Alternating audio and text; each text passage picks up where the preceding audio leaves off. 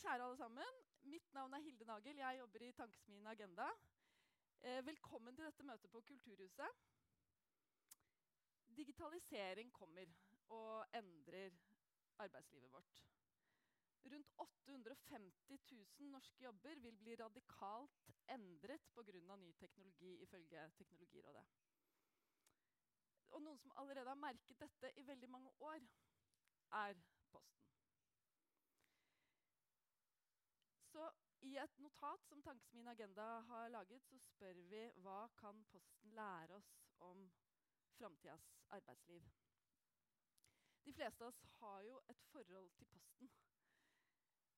Og postmannen er vel kanskje på mange måter nordmannen. Det er folk med forskjellig bakgrunn, forskjellig kulturell bakgrunn, bor forskjellige steder i landet. Det er kort og godt oss. Og det Posten har vært gjennom, det er ikke småtterier. Det er en omstilling som har pågått lenge. og bare For å ta ett eksempel så er antall postkontorer redusert fra 3000 til 30. Samtidig så er Posten litt interessant fordi det på mange måter er uh, den norske modellen i miniatyr. kan man si. Det er en arbeidsplass hvor det har vært uh, høy tillit og mye samarbeid mellom uh, ledelsen og de ansatte. Og det er et sted med høy fagorganisering, og hvor partene har spilt en viktig rolle i den omstillingen som har skjedd. Så Derfor er det veldig interessant å se akkurat litt nærmere på Posten. fordi dette er noe som vi alle må gjennom. Norge skal gjennom tilsvarende omstillinger.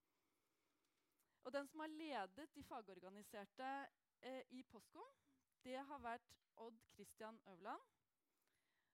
Han fortalte meg at Posten har nedbemannet med hvor mange, Odd Christian? Ca. 1000. Og hvis du begynner å tenke på det, hva det er for noe Det er en middels stor norsk bedrift i året. I året. Så dette gleder vi oss til å høre litt mer om. Jeg vil først bare in invitere deg opp for uh, nå å ønske velkommen Odd Christian, for dette er et samarbeid som vi har gjort uh, med Postkom uh, og Agenda. Takk for det. innledningsvis bare jeg si at vi har fått en mulighet gjennom dette samarbeidet med Agenda til å reflektere over nettopp det som eh, vi nettopp har hørt om, de omstillingene som Posten, og ikke minst da for min del Postkoms medlemmer, har vært igjennom i de siste skal vi si, 20-25 eh, åra. Forhåpentligvis så vil dette også være et, eh, et arbeid fra Agendas side som andre kan ha nytte av. kan se hva har vi gjort, hva har vi lykkes med, hva kunne vi vært bedre på. Eh, da tenker jeg selvfølgelig først og fremst bedrifter som er på vei inn i, eller allerede står i store omstillinger. Og så har jeg lyst til å bruke denne muligheten til å, å minne om at det er ikke slik at digitaliseringa starter nå. Den starta ikke for et år siden, den starta for to-tre tiår siden. Og, Det er også viktig tror jeg, å huske på at uh, digitalisering i en virksomhet det er ikke noe som skjer liksom i et knips over natta. Det er noe som kommer over tid. og Det betyr også at partene har mulighet, virksomheten har mulighet, vi som fagorganiserte har mulighet til å se først på utfordringene, og så å, å se på, på, løsningene. Jeg håper også at uh, dette arbeidet som uh, Agenda har gjort, uh, også kan påvirke si, politikeres forhold til de utfordringene som virksomhet og samfunnet står overfor. Det dreier seg selvfølgelig om, om, regjering, det dreier seg om storting, som må ta en aktiv rolle i forhold til de utfordringene som, som kommer. Så la jeg bare avslutte med å si at jeg er veldig glad for eh, det samarbeidet vi har hatt med, med Agenda, og det arbeidet som har kommet, det, det, resultatet som har kommet ut av det. Takk skal dere ha. Tusen takk. Vi har et uh, fremragende panel, uh, men før vi slipper dem til på scenen, så er jeg stolt og glad for å gi ordet til uh, vår egen Aksel Fjelldavli, som har jobbet med dette notatet, og som skal fortelle litt mer om det vi har lært av å, å, jobbe med Posten. Vær så god, Aksel.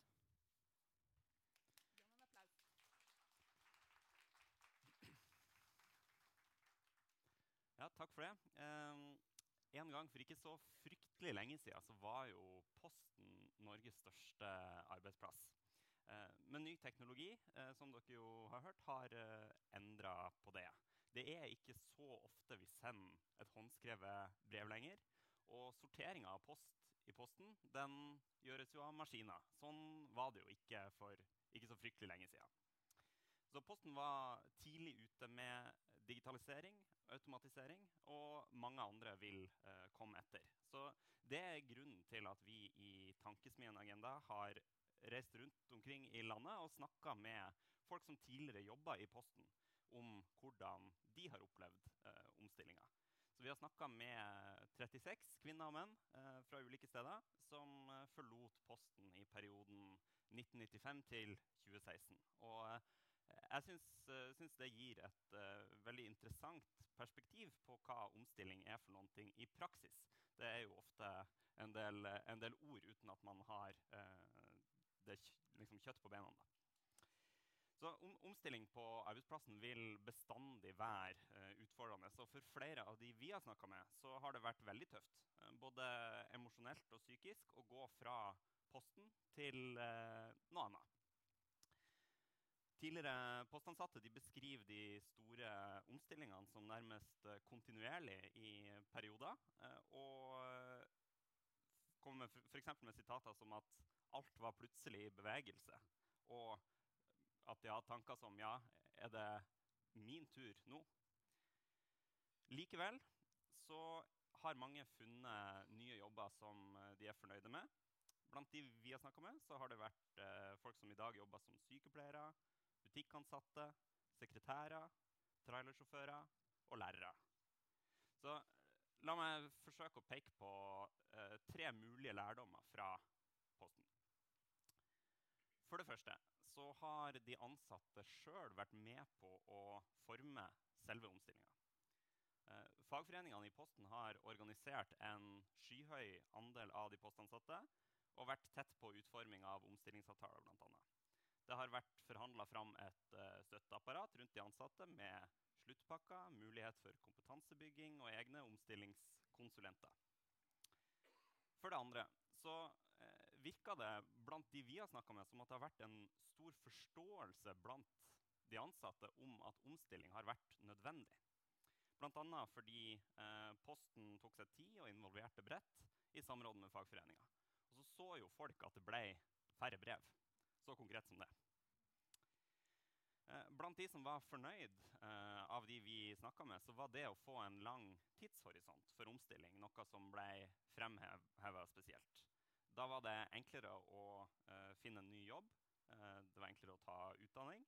Og flere fortalte også at det, den tida man fikk hjelp på å, å, håndtere det de beskrev nærmest som litt sånn en sorgprosess med å forlate Posten. For det tredje så har Posten hatt fordelen av å være en stor virksomhet. Uh, og ved nedbemanning ett sted i Posten uh, så har det ofte vært mulighet til å få jobbet annet sted i Posten. Så det er jo noe som i mindre grad vil gjelde virksomheter som er, uh, som er mindre enn Posten. Og i, i, det gjelder jo i mindre grad også for Posten i dag enn Posten tidligere, fordi Posten sjøl har blitt mindre. Til slutt to ord om uh, kompetanse. Det kommer man jo ikke unna når man snakker om uh, omstilling. Uh, mange av de som uh, jobba i Posten, hadde bare grunnskoleutdanning i tillegg til den praktiske lærdommen fra et langt arbeidsliv. Og vi vet jo at det i framtida vil bli stilt stadig større krav til formell kompetanse, fordi uh, bl.a. digitalisering gir oss færre rutineoppgaver på jobben.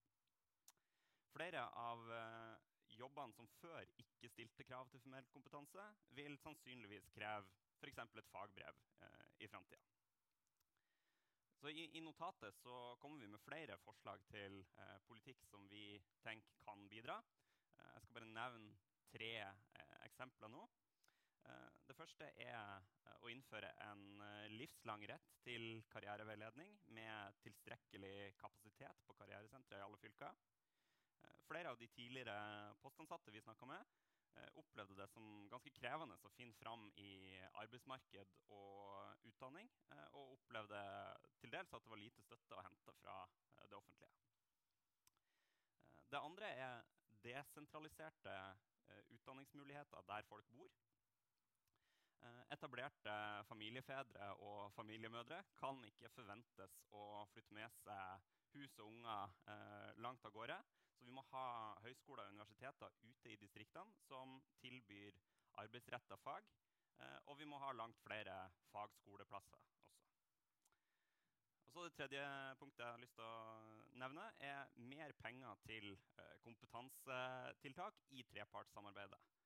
Eh, for ved, at partene i arbeidslivet bidrar sammen, så kan man unngå at eh, arbeidsgiver alene underinvesterer i kompetanse.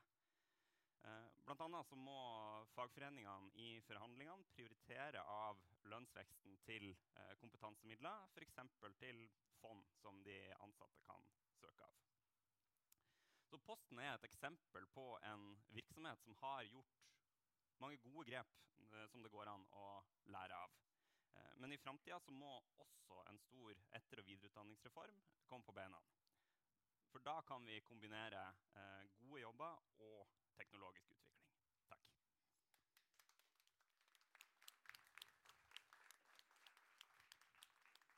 Tusen takk, eh, Aksel. Da skal jeg få ønske velkommen opp til scenen Tone Ville, som er konsernsjef i Posten. Gi henne en applaus. Og Odd Christian Øverland, leder i Postkom.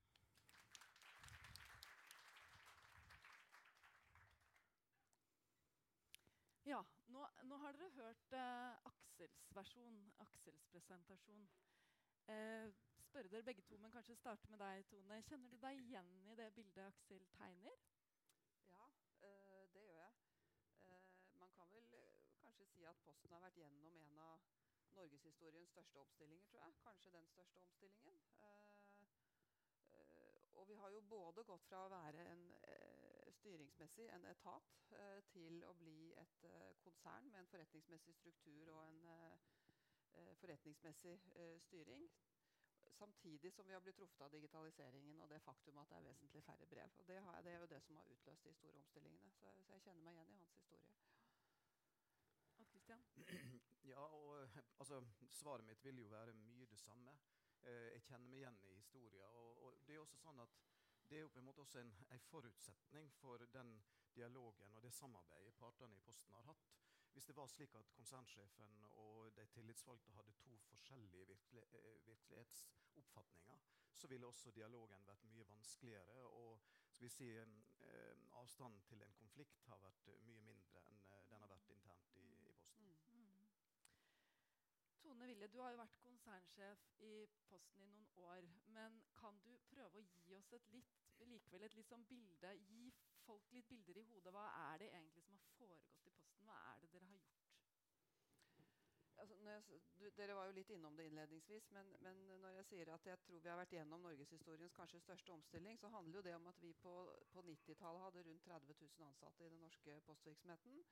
Og nå har vi rundt 6500 ansatte i den delen av konsernet. Eh, og da har vi jo vært gjennom en rekke endringer. Du, en, du nevnte dette med overgang fra antall egendrevne postkontor, så hvor det bare er 30 igjen i dag. Vi har jo vært gjennom en veldig industrialisering. Vi hadde 32 postterminaler uh, på begynnelsen av 2000-tallet, og nå har vi tre. Uh, hvorav den aller største er på Lørenskog utenfor Oslo, hvor det aller meste av posten blir sortert. Og så har vi to i Nord-Norge. Um, vi har lagt om rutinene våre for hvordan vi sorterer og distribuerer post. Det har påvirket veldig manges hverdag. Um, så det har vært store endringer, og det er klart det er krevende å stå i det. Og så tror jeg noe av det som har vært viktig da i dialogen med de ansatsorganisasjoner, har jo vært som Christian var innom, nettopp det at vi har hatt en åpenhet og snakket om fremtidsutsiktene. da. Eh, vi har jobbet med langtidsplaner, langtidsprognoser. Eh, hva skal si, faktabasert bemanningsplanlegging ut fra hvordan vi tror at brevvolumene vil falle, og snakket, eh, snakket mye om det. Uh, og det tror jeg har vært med å skape også en tillit over tid. Jeg har jo ikke vært med i hele denne tiden selv, men, men, uh, men uh, jeg merker jo at det er bygget opp et godt tillitsforhold gjennom mange år, og det tror jeg er utrolig viktig. Det, og det, det bygges jo opp over tid. Det, det skjer jo ikke i forbindelse med én omstillingsprosess. Og da er det jo viktig fra arbeidsgivers side da, at, at vi gjør som vi sier, for å opprettholde den tilliten over tid. Historien om Posten og Postkom er jo på gans ganske mange måter ganske oppsiktsvekkende, syns jeg når jeg hører den nå. Uh, og i tillegg, når man da vet at det ikke har vært noen arbeidskonflikter i den forstand at ingen har lagt ned arbeidet sitt i, i protest. Uh, men Odd Christian, jo, man skulle jo egentlig tenke at som fagforeningsleder så vil man ha behov for å liksom trykke på bremsen eh, når jobber står i fare. Kanskje si stopp. Det skjedde ikke her. Kan du Hvorfor ikke? Nei, altså det er jo som, som, du sier, det er jo her en tradisjonelt forventa at jeg skulle mm. si at jeg er helt uenig i det konsernsjefen nå nettopp har sagt. Ja.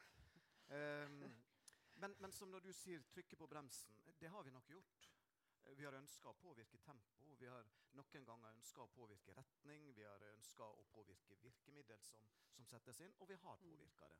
Hadde ikke vi påvirka det, så ville også utviklinga vært uh, annerledes.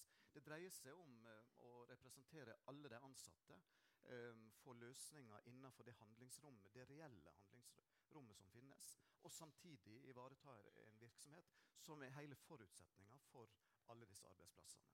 Og så, Hvis vi skulle ha protestert, hvis vi skulle ha sagt stopp, hva var det vi skulle ha protestert imot? At du sender færre brev?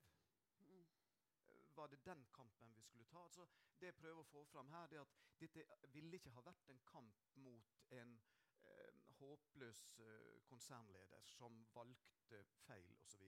Det ville være en kamp mot kunder som har fått nye kommunikasjonsmuligheter, nye digitale plattformer å henvende seg til andre på enn det en tidligere gjorde. Med andre ord, vår strategi eh, etter Eh, det er ikke slik at dette kom liksom som et plopp. Det var, det var lange diskusjoner for 20 år siden. Men uh, vår strategi ble, ble, bygd på en konklusjon om at det å slåss mot vindmøllene ville være en, en, håpløs kamp. Det vi må gjøre, det er å finne løsninger innenfor det handlingsrommet som, som er der. Finne gode løsninger for de som må miste jobben sin videre framover etter hvert som digitaliseringa fortsetter. Og på den andre sida finne gode løsninger eh, faste heltidsjobber for de som blir igjen i virksomheten. Aksel var litt inne på det, hvordan dere har jobba med det at dere har hatt ganske god tid. At ledelsen har vært ganske tydelig på å definere si hva, uh, Være ærlig på hva utfordringene var. Men kan du, kan du utdype litt uh, Christian, hvordan har du jobba i Postkom uh, sånn helt konkret? Um, for oss har dette først og fremst vært um, ikke bare, altså, Ja, Postkom har gjort sin del, men dette dreier seg først og fremst om, som, som Tone også var inne på, åpenhet, tillit. Og da må jeg understreke, ja, det, det, dreier seg om å snakke om de, eh, åpenhet og tillit omkring de gode historiene. Det dreier seg om å ha et samarbeidsforhold, et tillitsforhold mellom ledelse og, og, tillitsvalgte som gjør at også de vanskelige sakene, de vonde forhold, det som dreier seg om at 1000 arbeidsplasser kommer til å forsvinne i løpet av et år eller et halvt år, at den, det budskapet kommer ut så tidlig som mulig. At det er en trygghet oss imellom som dreier seg om at konsernledelsen ikke sitter og tenker at ok, vi vet at dette skal skje, men med en gang vi kommuniserer det, så blir det et ja, Jeg skal ikke bruke det ordet, men i hvert fall, det blir fryktelig vanskelig å forholde seg til, til det. Eh, og dermed så utsetter en det, og så utsetter en det, og så utsetter en det. En vet at det skal skje. Og på et eller annet tidspunkt skal det kommuniseres. Og på det tidspunktet, hvis en velger den strategien, så kommer det som en overraskelse på alle. Og hvordan i all vide verden skal en da forvente at de dette kommer til å berøre, skal forstå det? Og enda vanskeligere, skal akseptere det, og gjennom det jeg håper å si, absorbere det. Og, og her er da det jeg prøver å få fram, det at vi, gjør, vi, har gjort det stikk motsatte. Vi har bygd en kultur, en måte å samarbeide på, som gjør at de vanskelige budskapene kommer når de er kjent, og jeg som tillitsvalgt får anledning til å forstå, akseptere og deretter gå ut og forklare de som har noen av dem i hvert fall, enda større tillit til meg enn til Tone, og si at dette må faktisk skje. Og så nå må vi sammen finne veien til den gode løsninga. Så hovedoverskriften er at dette har gått veldig bra. Men det har jo ikke gått like bra for alle. Og um, nå er dere midt oppi en skal inn i en ny vanskelig omstilling. Så jeg lurer på, Tone, om du kan si litt om Har dere tenkt å gjøre noe annerledes denne gangen? Altså, det som blir vanskeligere fremover, er jo å finne eh, nye jobber i Posten. Var, som, du, som, en av dere var innom innledningsvis, så er, har vi jo klart det i mange av de tidligere rundene. Og det eh, klarer vi jo ikke i noe særlig grad fremover. Så det vil jo bli annerledes. Og da vil det jo dessverre være flere som må finne seg muligheter utenfor Posten. Og det er jo mer krevende. Og det har jeg forståelse for at det er vanskelig både for de tillitsvalgte som står midt oppi det og skal fronte dette, og for lederne våre der ute som skal fronte dette. Um, så har vi nok opplevd at uh, myndighetene ved Nav ikke har vært så veldig på tidligere. Men vi opplever at de er mer på nå, og at de uh, i hvert fall på litt større steder eh, planlegger nå i både i Bergen og Stavanger å ha eh, jobbmesser for å matche da, de, som de som blir overtallige hos oss, med bedrifter som har et arbeidskraftsbehov. Og så forventer vi jo at når overtallighet er definert, at de faktisk stiller med ressurser og kompetansemidler. Eh, mm. Så det skal vi også jobbe med fra arbeidsgivers side, den dialogen. Mm. La oss ta tak i litt det med. Nav og Aetat. For der er det jo et interessant punkt synes jeg, i notatet. At uh, det er f.eks. en som sier 'jeg har vært mitt eget Nav'. Uh, er uh, en del tilbakemeldinger på at Nav har vært ganske fraværende. at det har vært vanskelig å koble dem på de sluttpakkene og omstillingsprosessene som dere har lagt opp mm. til. Så jeg lurer på, Odd Kristian, Hvordan har du opplevd det? Eh, det har vært eh, tidvis veldig frustrerende at uh, en uh, ikke kunne komme i en tettere dialog med, med Nav bokstavelig talt før arbeidstakere som vi over et år har visst kom til å miste jobben sin. At Nav da ikke kommer inn før etter at arbeidsledigheten faktisk har mm. inntrådt. At vedkommende har mista jobben sin. Dette, dette er jo en tilnærming som i mitt hode er, er, ganske så håpløs i forhold til det som er de overordna målsettingene.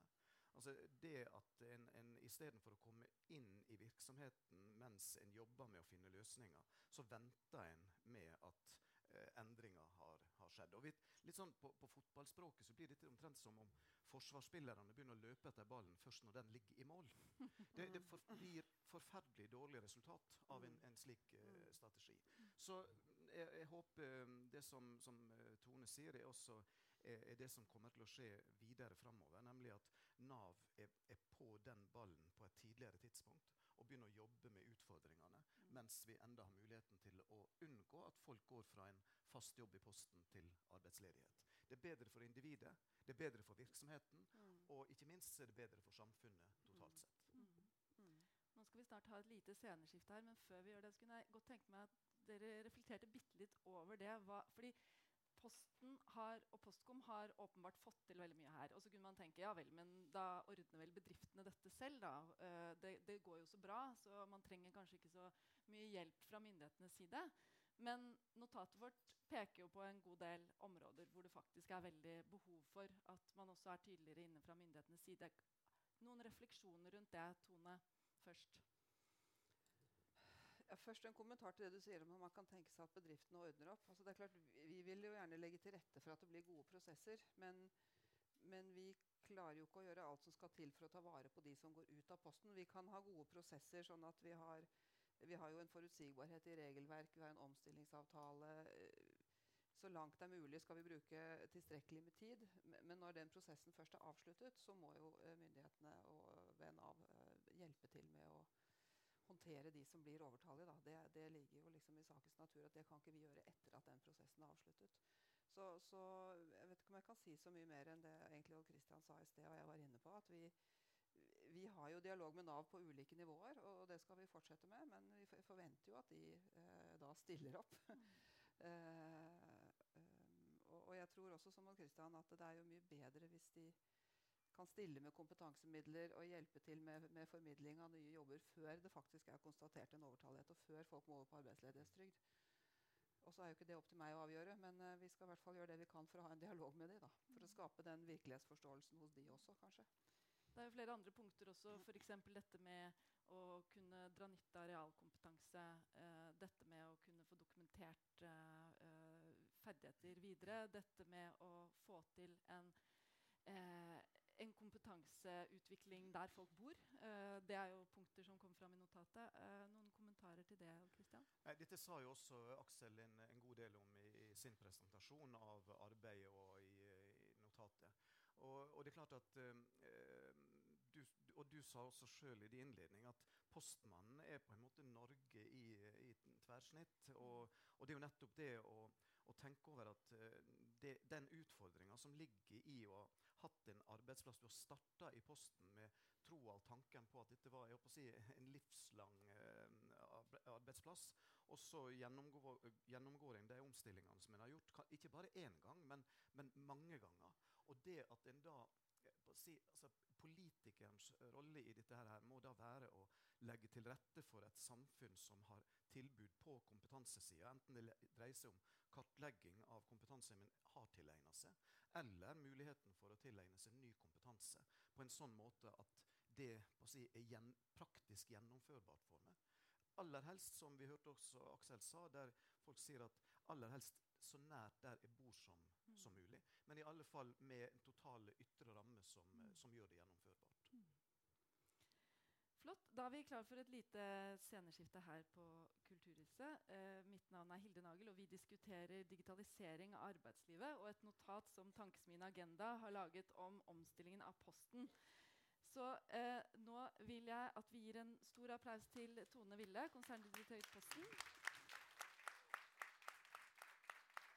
Og at vi ønsker Heidi Austli, administrerende direktør i IKT Norge, eh, velkommen opp. Og Simen Markussen, seniorforsker ved Frischsenteret.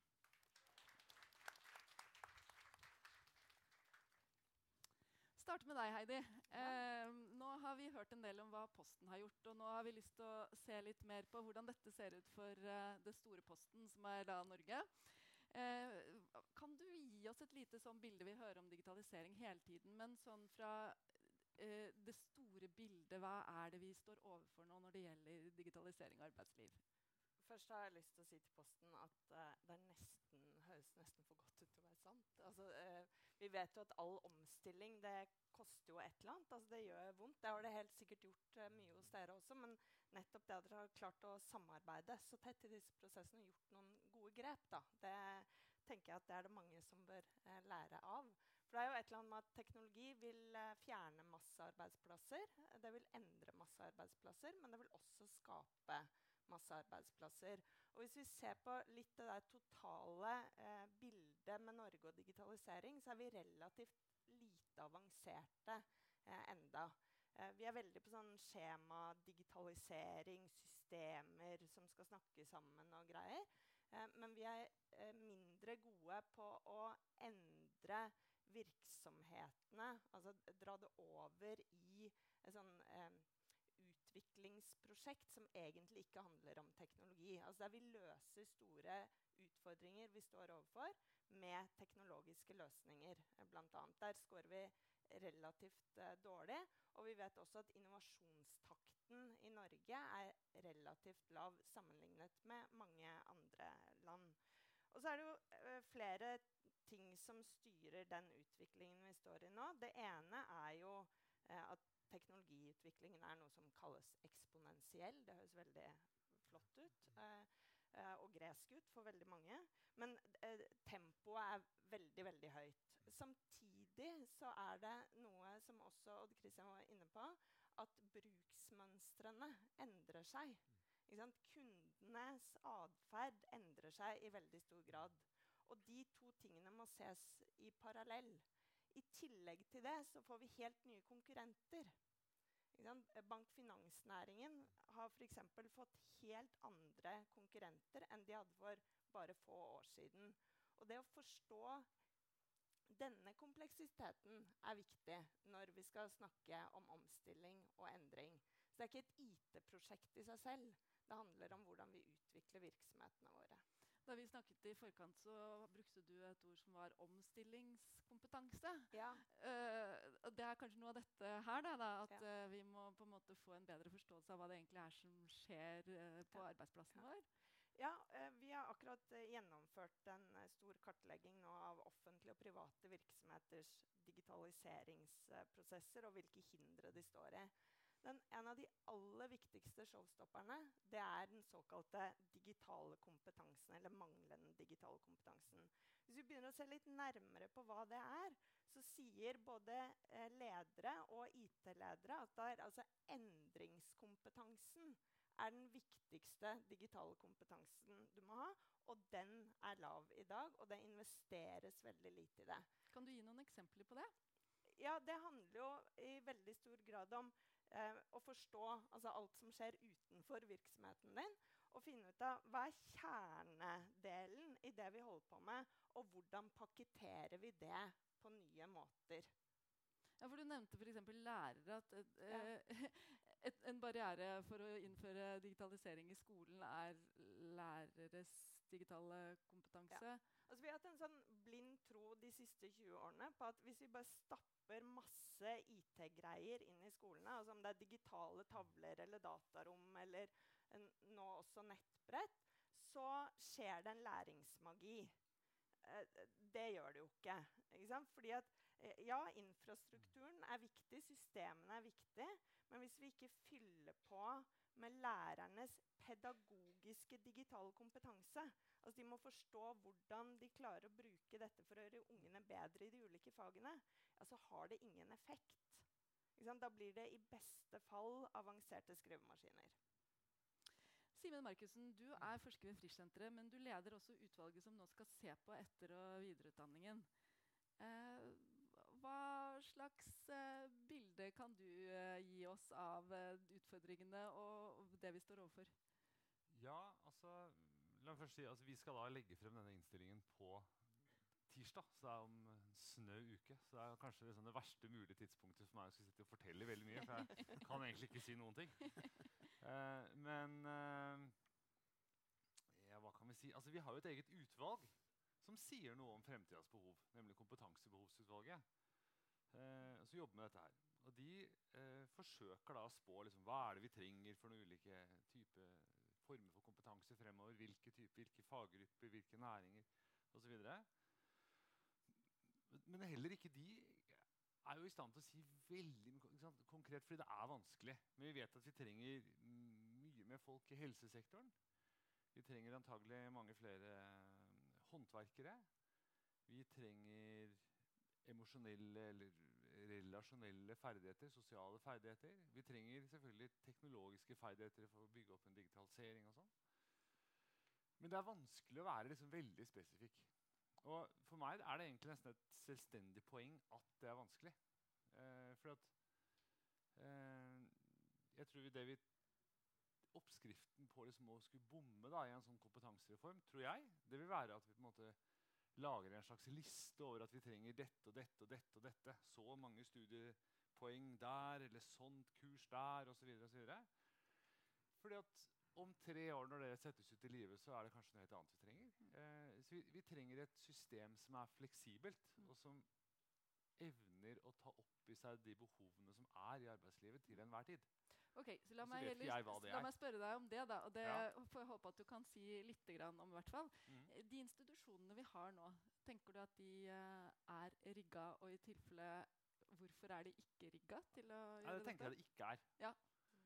Uh, så, og det dreier seg om mange altså Vi har masse institu type institusjoner. altså Vi har utdanningstilbydere, vi har støtte til studiefinansiering gjennom Lånekasse og forskjellige sånne ting.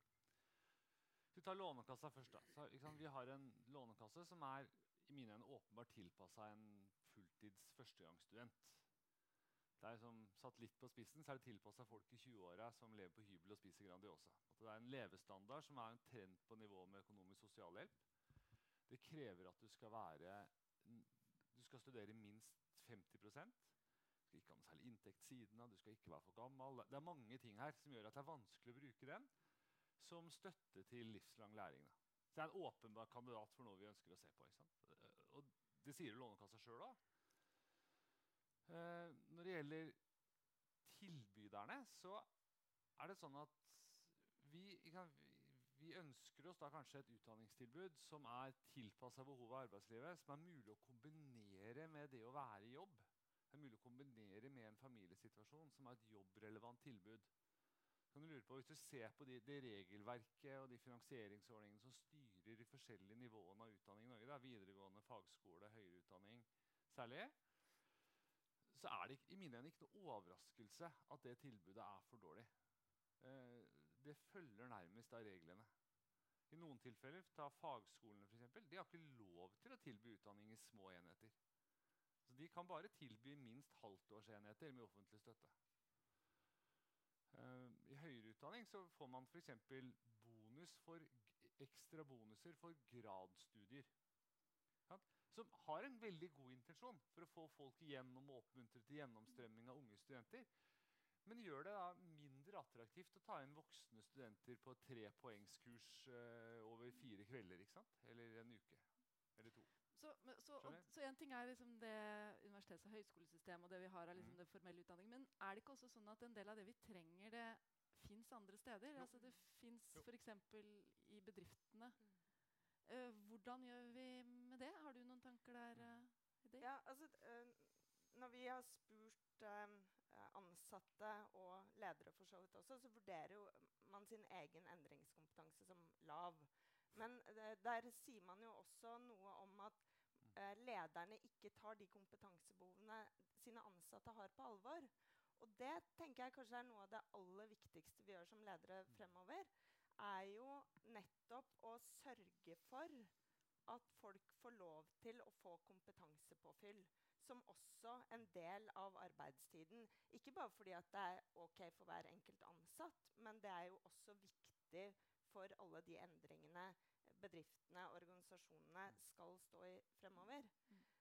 Sånn vi, uh, så en kompetansepolitikk den må jo være like gjeldende for bedrifter som den også er for eh, utdanningsmyndighetene. Og der er eh, både Nav og Lånekassa to veldig gode kandidater for store omstruktureringer. Mm. Det er rigget for en tid vi ikke opererer i mm. lenger. Mm.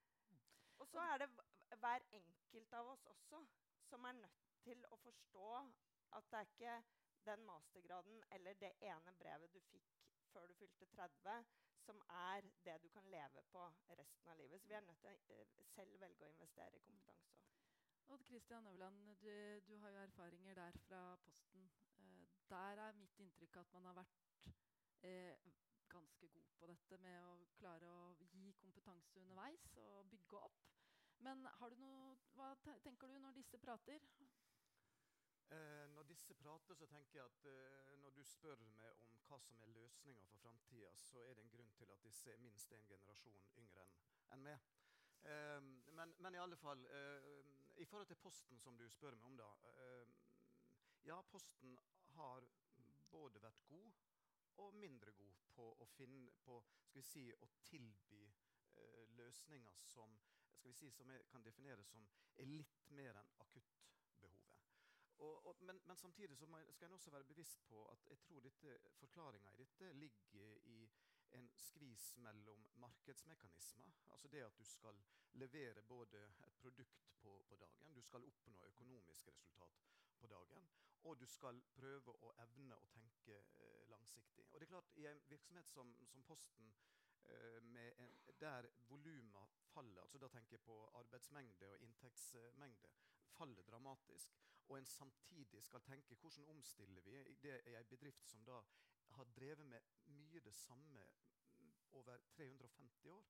Og så skal du passere den kløfta der du har digitalisering i, i bånn, og så skal du opp og skal du konkurrere med de som er født på den andre sida av dalen der alt er digitalisert. Altså dette, det å finne de gode mm. løsningene i, i en slik utfordring mm. eh, har nok vært eh, ekstra krevende for, uh, for, en virksomhet som, som, Posten. Men tilbake til det som Aksel eh, presenterte. Det vi hørte der, er også mange gode historier om at når det legges til rette for det, når det finnes skal vi si, støtte til finansiering på dette. Altså Du er inne på Eh, skal vi si, problemstillingene til hvordan de store eh, institusjon, institusjonelle ordningene er innretta. Men her kan jo virksomheten eh, bidra. Det gjør Posten, riktignok også i et samarbeid med, med, Postkom, ved at vi prioriterer eh, midler i tariffoppgjørene til kompetanseutvikling for de ansatte for våre medlemmer. Og så henger jeg på også, som Aksel så vidt eh, nevnte, som forbund, altså Postkom, har jo også sitt eget fond som er finansiert av kontingentinntekter, kontingentpenger, fra medlemmene. Der vi gir økonomisk støtte til kompetansepåfyll for våre medlemmer. Så det var bare en liten oppfordring om ja. å melde meldes inn i Postkom. Ja, veldig bra. Der fikk du det nå. Ja, nå, nå er du inne på det de, de, store bildet også. med Alle er enige om at uh, denne kompetansen trengs. Alle er enige om at det må være et spleiselag. Uh, men hvem betaler, og hvordan gjør man det? Og hvordan får man pengene, og hvem tar hvilke roller osv.? Der er det mye. Uh, og, og Simen, start med deg bare litt. Kan du si noe om hva du tenker om det? Ja, altså jeg tenker at det offentlige har en åpenbar rolle når det gjelder å utvikle et tilbud. Si, vi tar ett skritt tilbake. da. For, Skal man lykkes i en kompetansereform, så må det i hvert fall finnes, det må finnes noe å gå på. Det må finnes noe å delta på, et opplæringstilbud som er attraktivt og relevant. Og, sånn, og, det, og det må finnes muligheter for, for, å delta. Økonomisk og andre, på andre måter. Det offentlige har i mine øyne et opplagt ansvar for i hvert fall deler det tilbudet, selv om langt fra alt av det trenger å være offentlig. Altså, vi har en stor næring som driver med det vi kaller ikke-formell opplæring eller etterutdanning, som er det de fleste deltar på i løpet av et år. Som stort sett er privat, med noen unntak. Eh, og som også spiller en viktig rolle. Så har det offentlige i mine øyne opplagt et ansvar for folk som er utenfor arbeidslivet. F.eks. med Nav, eh, særlig kanskje for arbeidsledige, sykmeldte, også andre grupper. Eh, og så har, vil nok også det offentlige kunne ha et visst ansvar for liksom, økonomisk støtte og smøring på andre, andre måter. Da. Men så må vi regne med at folk må nok bidra litt med tid. Arbeidsgivere må være villige til å gi litt slipp på ansatte eh, for å kunne delta. Eh, så man må liksom ha en, en, form for kostnadsdeling, tror jeg. Eh, og en måte å kanskje gjøre det lettere på i mange tilfeller, det er jo hvis man klarer å få et opplæringstilbud som er ganske si, som er lite i omfang og fleksibelt og, og, tilgjengelig og mulig å delta på i kombinasjon med jobb. Altså, en ting er at Hvis du må delta på et studie som varer et halvt år, så er det vanskelig å se for seg å gjøre det i jobben, kanskje. Hvis du kan heller jevnlig delta på noe som går over noen kvelder, så er det liksom litt lettere å strekke seg litt sjøl, for arbeidsgivertida er litt fri spe på med litt studiefinansiering, kanskje, og så få det til å gå opp et visst. Men den type tilbud har vi lite av i dag. Mm. Heidi Austli, IKT Norge, hva tenker du? Tenker, uh, Vi må alle investere her. Og Det gjelder myndigheter så vel som bedrifter, som hver en og enkelt av oss. Uh, I både tid og penger. Um, og så finnes det jo veldig veldig mange gode eksempler fra privat næringsliv eh, som er så, sant, som Simen er inne på, ikke-organisert utdanning. Eh, som ikke gir deg nødvendigvis den formelle kompetansen, men som er verdifullt for den jobben eh, du står i nå. Veldig mange eh, bedrifter gjør jo dette også som en obligatorisk del av det å jobbe et sted. Eh, så er du også nødt til å bruke tid, da, og du får tid, på å få kompetansepåfyll. Og det her handler om skal vi være aktuelle eller ikke framover. Skal vi overleve eller ikke? Så det, øh, jeg tror vi skal lære mye av det som skjer i næringslivet, både nasjonalt, men også eh, globalt. Og så er jeg helt enig med at eh, vi må se på det offentlige virkemiddelapparatet for rigging eh, av det. Og så tenker jeg at eh, Vi må gjøre et veldig stort løft på profesjonsutdanningene. For det er ikke sånn at alle skal bli teknologer framover. Men det er den kombinasjonen av fag og teknologi, eller fag og det digitale, som eh, er viktig. Og vi utdanner altså lærere, markedsførere, regnskapsførere og truckførere og hva det nå enn er, som eh, går gjennom et langt utdanningsløp uten at de har praksis under opplæringen som er relevant, eller de får en forståelse av hvilket arbeidsliv de er på vei ut i. Så her må det investeres masse framover.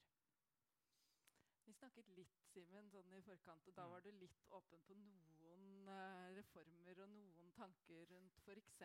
samarbeid med næringsliv. Har du lyst til å dele noe av det med oss uh, nå likevel? Uten å, være, uten å oute tiltak fra utvalget, men bare si ja, noe om samarbeidet. Det finnes ganske mange vil si at det finnes et ganske sterkt ønske sånn politisk og fra styringshold sant, om at utdanningssektoren og, og, næringslivet i større grad skal klare å samarbeide.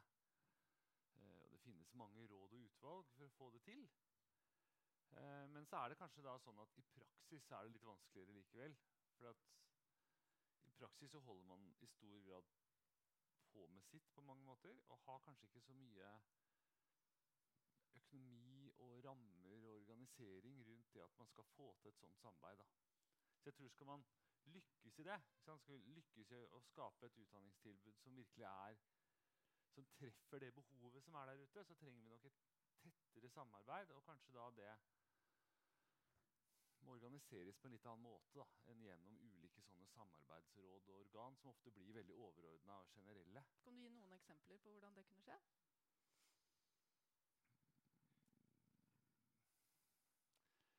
Altså, det finnes jo f.eks. allerede en del sånne, det som kalles bransjeprogrammer, som myndighetene har, har gitt penger til. Sånn, der man har gitt penger til at man i bestemte bransjer skal forsøke å utvikle et utdanningstilbud i samarbeid mellom utdanningsinstitusjoner eh, og arbeidsliv. Eller bransjeforeninger. Litt forskjellige modeller her. Det kan jo være én sånn type modell. Man, som finnes allerede i og for seg, eh, men som kanskje kan styrkes.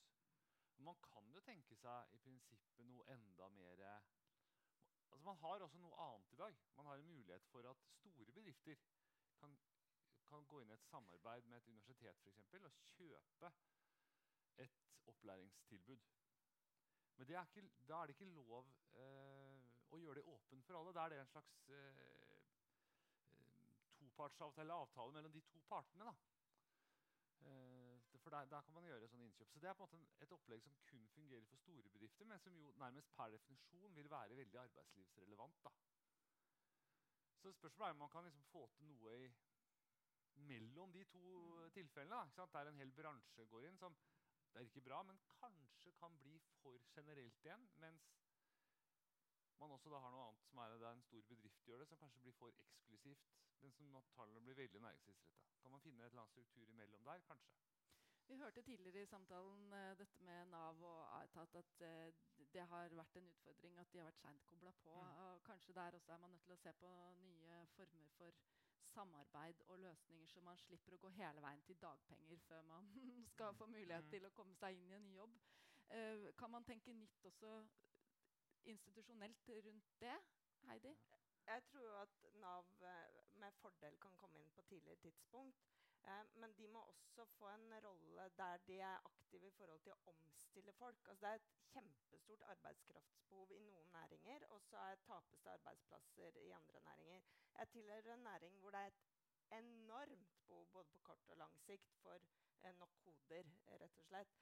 Sånn at hvis eh, Nav også får en eh, tydeligere funksjon i forhold til å hjelpe folk over i omstilling. Mm. At det ikke er noe automatikk nødvendigvis at du får dagpengene, og så blir du værende litt for deg selv og er ditt, er ditt eget Nav. Men at det er penger som eventuelt kan eh, brukes på direkte omskolering i mm. bedrifter eller i næringer eh, som har et behov for det. Mm. Simen, du ville kommentere? Ja, altså dette med Nav reiser jo mange dilemmaer. Men jeg si først at jeg tror i løpet av den tiden som dette har foregått i Posten, og sånn, så har jo også Nav vært gjennom veldig store omlegginger. Eh, og Mitt inntrykk er at Nav har blitt mye bedre over tid. Og blitt mye mer opptatt av å være på og mer arbeidslivsretta. Mens man i en periode hadde et slags omstillingskaos da, som gjorde at man hadde mer enn nok med å betale ut ytelsene til folk. Eh, så jeg tror vi skal passe oss for å måte, tenke at vi må lage et system der folk unngår Nav. Altså, Nav er en, måte, en del av systemet vårt. Men mulighetene for å ta bare et helt konkret eksempel, liksom, Muligheten for å ta utdanning for eksempel, på dagpenger i dag er ekstremt begrensa. Mm. Eh, med noen få unntak så er det stort sett det eneste du kan gjøre, er å delta på kveldskurs. For logikken er at på dagtid skal du være jobbsøker. Eh, der kan det hende at det går an å gjøre noe. Sant? Samtidig så er det sånn at Nav skal jo ikke bli en studiefinansieringsordning heller. Så vi kan ikke ha det sånn at hvis jeg egentlig ønsker å studere, så sørger jeg for at min sjef sier meg opp på jobben. og Så går jeg på Nav, og så studerer jeg med dagpenger, og så får jeg på en måte tre ganger så mye som han som gjør det mm. riktig å følge Lånekassa. Så det, er noen avveininger her da, som gjør, det, som gjør det mer krevende. Men det kan hende går an å finne en litt mindre rigid modell enn det vi har nå. Vi har snakket om myndighetene, vi har snakket om næringslivet. Fagforeningene og de ansatte, da? Hva slags rolle kan de spille i dette? Nei, altså, La jeg først si at uh, vi er helt enig i det som jeg kan sammentrekke til at uh, dette må være et spleiselag um, på den ene eller, eller andre måten. Uh, der både myndigheter, næringsliv, virksomhetene og, og vi som, som ansatte bidrar hver på, på, vår måte. Enten det, det, dreier seg om å legge til rette for, det dreier seg om å finansiere det, eller det dreier seg om å bruke egen tid og eget initiativ til å eh, skal vi si, gå fra den, den, ene faste jobben og over i annet verdiskapende arbeid. Og så, så, blir det veldig eh, nært for meg det som, eh, som Heidi sa, nemlig at altså selv med, med, med, dine si, forbehold om hva Nav skal være og ikke skal være, så er, er all vår erfaring eh, at hadde Nav vært inne på et tidligere tidspunkt, jobba med de mennesker som vi vet kommer til å miste jobbene sine, eh, kanskje i retning av den bransjen som, som, du kjenner aller best, der du sier at vi trenger flere hoder. Vi trenger flere mennesker som kan, kan jobbe innenfor vår bransje. Jo, hadde, hadde en jobba og tenkt på den måten, så ville vi også hatt ei historie som er enda litt bedre enn den vi sitter med i dag. Og, og det tror jeg også at uh, mange andre eh, næringslivsledere og andre eh, faglig tillitsvalgte som står foran de samme utfordringene som vi har jobba med, også skal ta til seg. Sørge for at en jobber i et tett samarbeid for å finne de gode løsningene for de som er oppe i det som for mange er en enorm krise. Nemlig å få beskjed om at du kommer til å måtte forlate den jobben og de arbeidskollegaene som du er veldig, veldig glad i. Og så skal en heller ikke glemme i en slik omstilling Da går det litt ut, uh, utover det, det, å finne løsning for de som er i den skal vi si, uh, uheldige enden. Der er også noen som er igjen i disse virksomhetene, disse bedriftene. De som si, fortsatt skal jobbe der. Skal bedriftene ta vare på lojaliteten til disse menneskene, så er det også viktig at de ser at de kollegaene som mister jobben sin, er behandla på en god måte. Jeg syns det er et veldig godt sted å, å avslutte denne samtalen. Eh, tusen, tusen takk skal eh, dere ha. Eh, gi dem en stor applaus.